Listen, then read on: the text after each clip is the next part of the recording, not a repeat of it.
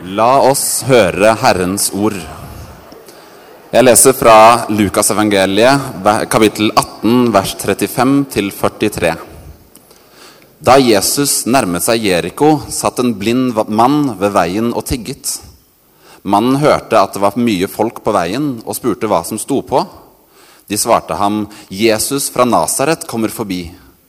Da ropte han, 'Jesus, du Davids sønn, ha barmhjertighet med meg.' De som gikk foran, snakket strengt til ham og ba ham tie, men han ropte bare enda høyere, 'Du Davids sønn, ha barmhjertighet med meg.' Jesus stanset og ba om at den blinde skulle føres til ham. Da han kom nærmere, spurte Jesus ham, 'Hva vil du jeg skal gjøre for deg?' Han svarte, 'Herre, la meg få synet igjen.' Jesus sa til ham, 'Bli seende, din tro har frelst deg.' Straks kunne han se, og han ga seg i følge med Jesus og lovet Gud. Og hele folkemengden som så dette, lovpriste Gud. Slik lyder det hellige evangelium.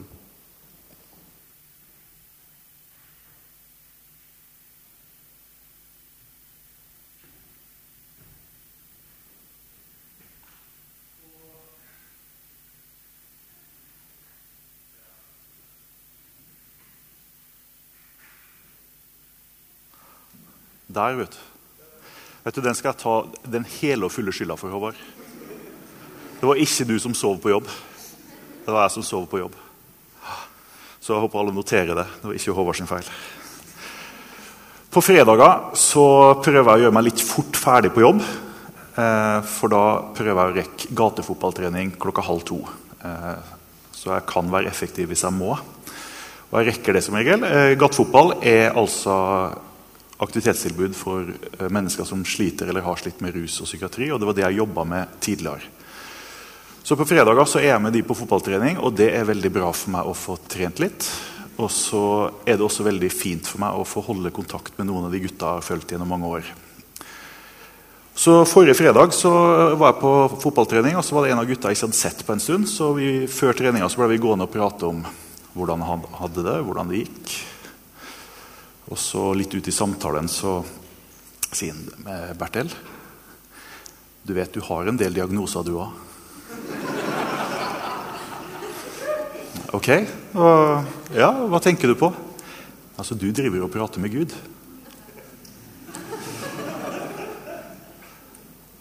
Og det var egentlig litt fint å få et litt utenfra-blikk på hva jeg egentlig tror på. For han har jo helt rett. Jeg driver og prater med Gud. Jeg. Og det er jo det vi gjør. Det er det vi tror på. Vi tror vi prater med Gud. Og for en som ikke har smakt og sett, så er det veldig rart. Men det er det vi tror på. Vi tror at vi kan snakke til Gud, at Gud snakker til oss, at han er nær. Og er det ikke derfor vi møtes til gudstjeneste? Fordi vi tror at her kan vi få en smak av han. Og så tror vi at gjennom uka så er han med oss. At han kan lede oss. At han kan vise oss vei. At han kan snakke til oss. Og så er det av og til, for meg i hvert fall, så kan det føles som at jeg har en blind tro. For jeg ser jo ikke det her. Og Av og til er det vanskelig å begripe, og av og til er det vanskelig å tro det. Men litt sånn som mannen vi leste om, så har vi en blind tro. At vi velger å rope på Gud. At vi velger å tro på det vi har hørt. At vi velger å tro på at han lytter, og at han er nær. Og selv om vi har smakt og sett, så tror jeg også mange av oss går med en bønn om at akkurat som Jesus åpna Bartimeus, som han kaller sitt annet evangelium, akkurat som han åpna hans øyne konkret, så ber vi om at han må åpne vårt hjertes øye, så vi kan se hvem han er. Så vi kan se enda mer av hvem Jesus er.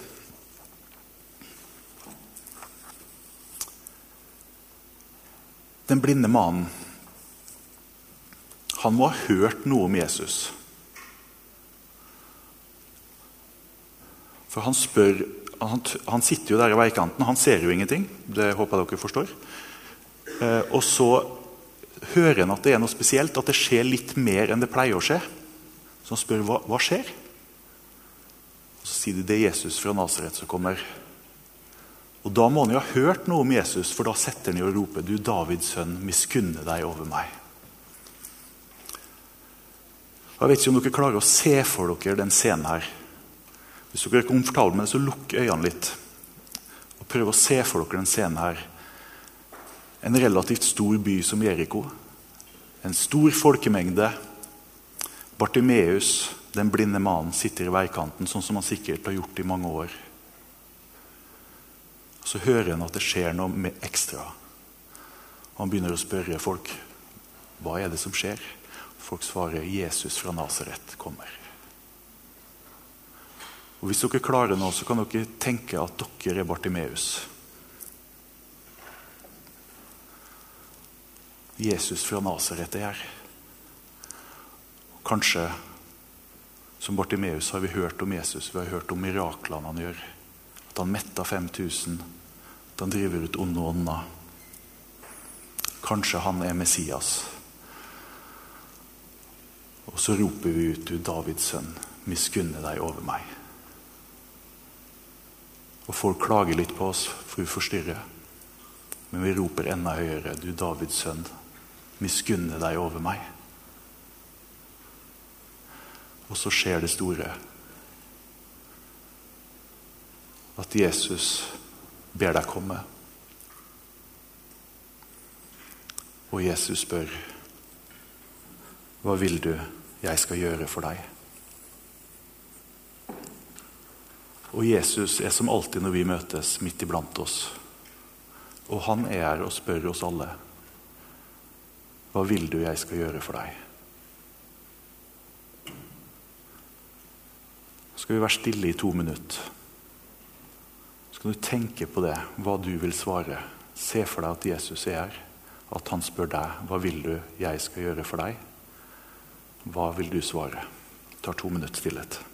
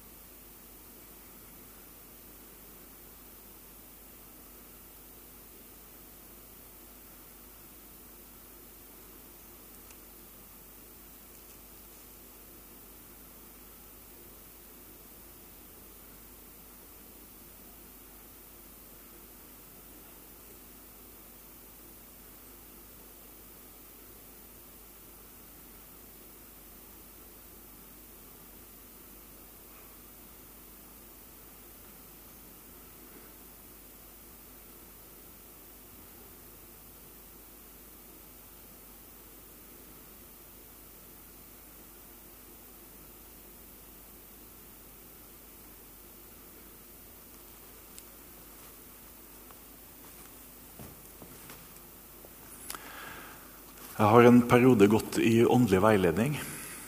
Og Ganske tidlig når jeg begynte i åndelig veiledning, så fikk jeg den teksten her for at jeg skulle bruke den i stillheten når jeg hadde stillestund. Så jeg gjorde sånn som jeg pleier å gjøre når jeg jobber med tekst og skal bruke det til meditasjon. Jeg lærte teksten utenat, og så når jeg hadde stillestund, eller når jeg gikk tur med bikkja eller satt på toget, eller sånne ting, så spilte jeg av denne teksten i hodet mitt og så for meg scenene, så for meg hva som skjedde. Og satt meg sjøl i Bartimeus sin situasjon. Og jeg syns det var så utrolig Jeg blei veldig berørt av at Jesus ba meg om å komme. Kjente jeg, gikk jeg tur med bikkja der, og da, det er jo ikke bare glede, det, men da kjente jeg på sånn glede at Jesus ba meg om å komme. Så liksom Hovedoppgaven min i denne åndelige veiledninga var spørsmålet hva vil du jeg skal gjøre for deg. Og Jeg vet ikke hvordan dere hadde det nå med to minutter stillhet. der dere skulle tenke på det. Men når jeg kom etter å ha kjent den gleden av at Jesus spurte meg om å komme Når jeg da hørte Jesus spørre hva vil du jeg skal gjøre for deg, så kom jeg ikke lenger. Det var et for stort spørsmål for meg. Og det var jo, altså, man kan jo si det var jo veldig fint å gjennom det kunne jobbe med hva slags gudsbilde jeg har, og selvbilde og hva jeg lengter etter, og mange ting. Men jeg blei gående og tenke sant? hver gang jeg var i stillhet og kom dit, så stoppa det. Gikk tur med bikkja, stoppa det der. Så? Hvorfor stoppa jeg der? Hva, hvorfor klarer jeg ikke å svare på det spørsmålet? Kanskje er det fordi at jeg hadde så veldig behov for å være from. At jeg måtte svare riktig. At jeg, jeg, vil at alle mennesker skal bli frelst. Det er sikkert riktig svar. Eller jeg vil. Sant?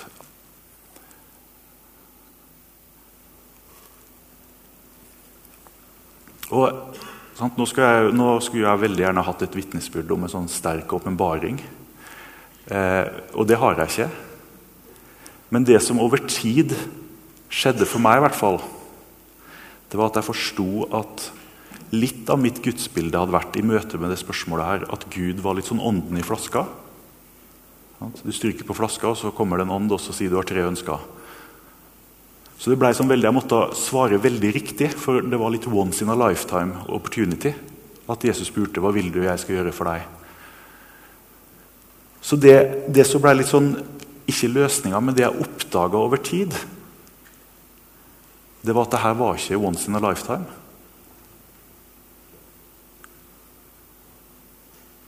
det var at det her er et liv. At Jesus alltid har tid. At Jesus hver dag spør meg hva vil du jeg skal gjøre for deg.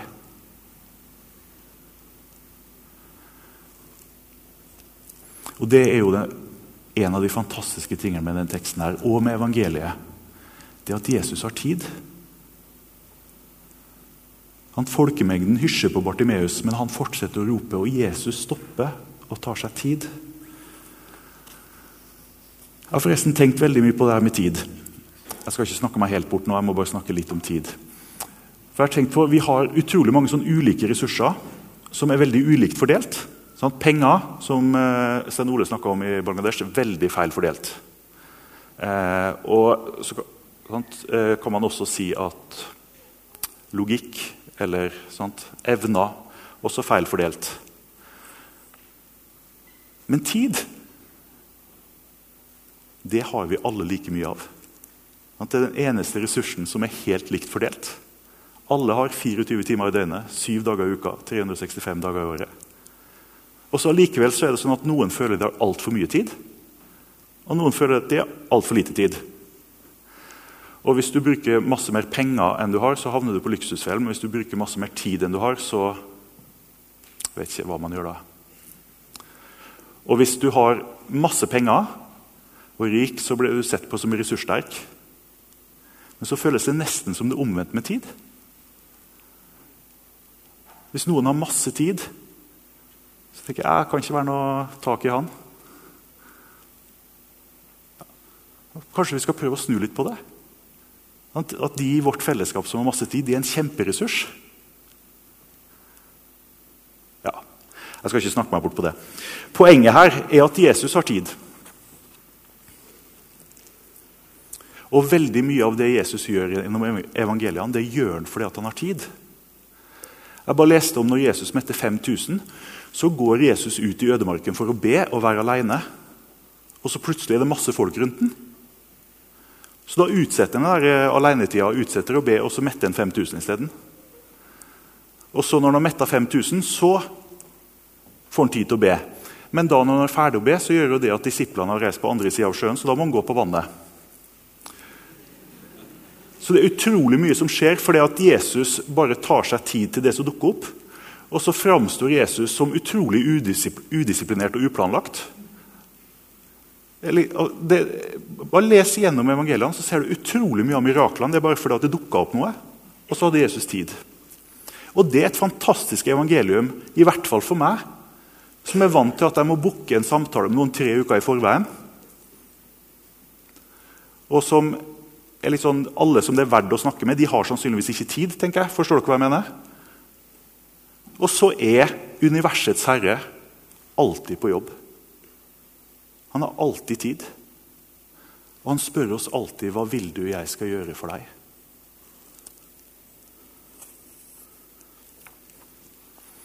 Så kan vi tenke om Bartimeus at, at han kanskje fulgte Jesus en stund.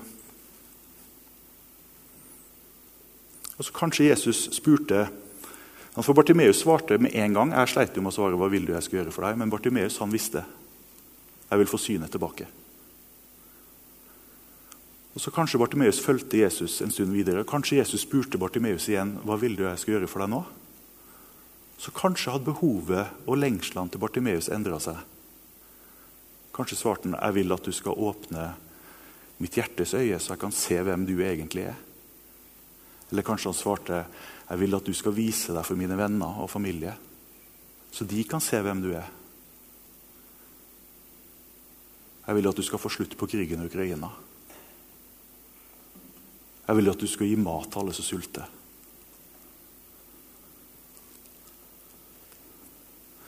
Sånn endrer jo våre behov og våre lengsler endrer seg etter livsfaser, etter omstendighetene våre. Av og til er det det helt nære. Jeg vil få synet igjen. Jeg vil få til skolen. Jeg vil klare å snakke med foreldrene mine. Og av og til så følger vi etter Jesus, og så ser vi noe av det han ser. Og så blir det til en bønn for Oslo. Så blir det til en bønn for verden, for Ukraina. Jeriko er verdens eldste by. Den er 11 000 år gammel. Så når historien her skjedde, var han ca. 9000 år gammel. Og så er det verdens bunnpunkt. Det er den byen i verden som ligger lavest, 265 meter under havet. Altså under nullpunkt. Og det er ca. 1000 høydemeter fra Jeriko opp til Jerusalem, som er den veien Jesus forteller om når han forteller om den barmhjertige samaritanen. Så kanskje er det pga. at her er bunnpunktet at den bønnen vi leser i fortellingen om Bartimeus, har blitt kirkas bønn i 2000 år, når vi har vært på bunnpunktet. Kyrie eleison. Herre, miskunne deg over oss. Når vi ikke vet hva vi skal be, når vi ikke vet hva vi skal gjøre, så er det den bønnen vi tyr til. Kyrie eleison. Herre, miskunne deg. Og noen ganger når jeg ser på mitt eget liv, når jeg er under nullpunktet, når jeg ikke klarer å se noen løsning, når jeg ikke vet hva jeg skal be fordi jeg klarer ikke å se hvordan det her kan løses, da er det den eneste bønnen jeg har igjen. Kyrie eleison, Herre, miskunne deg. Og Når jeg er på bønn for Oslo, og vi ber for Oslo Når vi ellers ber for den byen her i gudstjenesten, så er det så ofte det blir bønnen. For jeg ser på den byen. Og jeg ser at folk sulter. Jeg ser at folk bor på, bor på, gata. Jeg ser at ungdom finner fellesskap i kriminelle miljø istedenfor sunne miljø. Men jeg vet ikke hva jeg skal gjøre med det. Vet ikke hvordan jeg kan bidra utenom å være frivillig på kjærlighetsfesten. Det er faktisk en god måte å bidra på. Og så er vi under nullpunktet, og så er det eneste vi kan gjøre, i hvert fall er det det som stiger opp i meg, er Kyrie eleison. Herre, miskunne deg når jeg har tenkt meg trett til døde. Si så hva du har tenkt, o Gud. Og når vi søndag etter søndag ber for Ukraina, når tredagerskrigen har vart i et år, Da har jeg ikke flere bønner igjen. Jeg ser ingen løsning, jeg ser ingen vei. Men jeg roper ut Kyrie eleison. Herre, miskunne deg over Ukraina.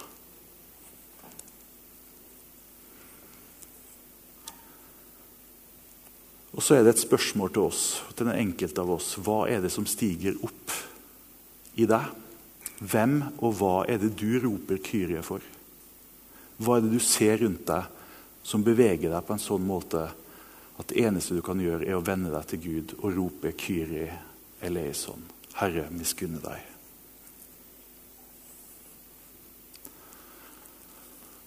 For han, kameraten min på gatefotballen, han hadde helt rett. Vi driver og snakker med Gud. Det er det vi tror på, og det er det vi holder fast på. Og Hvis du ikke har smakt og sett og fått et glimt, så er det uforståelig. Men for oss som har fått et glimt, så kan vi være trygge på at han har tid. Er det noen som husker den barnesangen? Han har tid for deg når du søker ham. Hæ? Ja. Han, det er sant, da. Han har tid. Når vi søker, så har han tid. Og han spør oss alltid 'Hva vil du jeg skal gjøre for deg?' Og så Når vi følger han, så begynner vi kanskje å få hans blikk på verden. Så begynner vi kanskje å få hans kjærlighet til de rundt oss.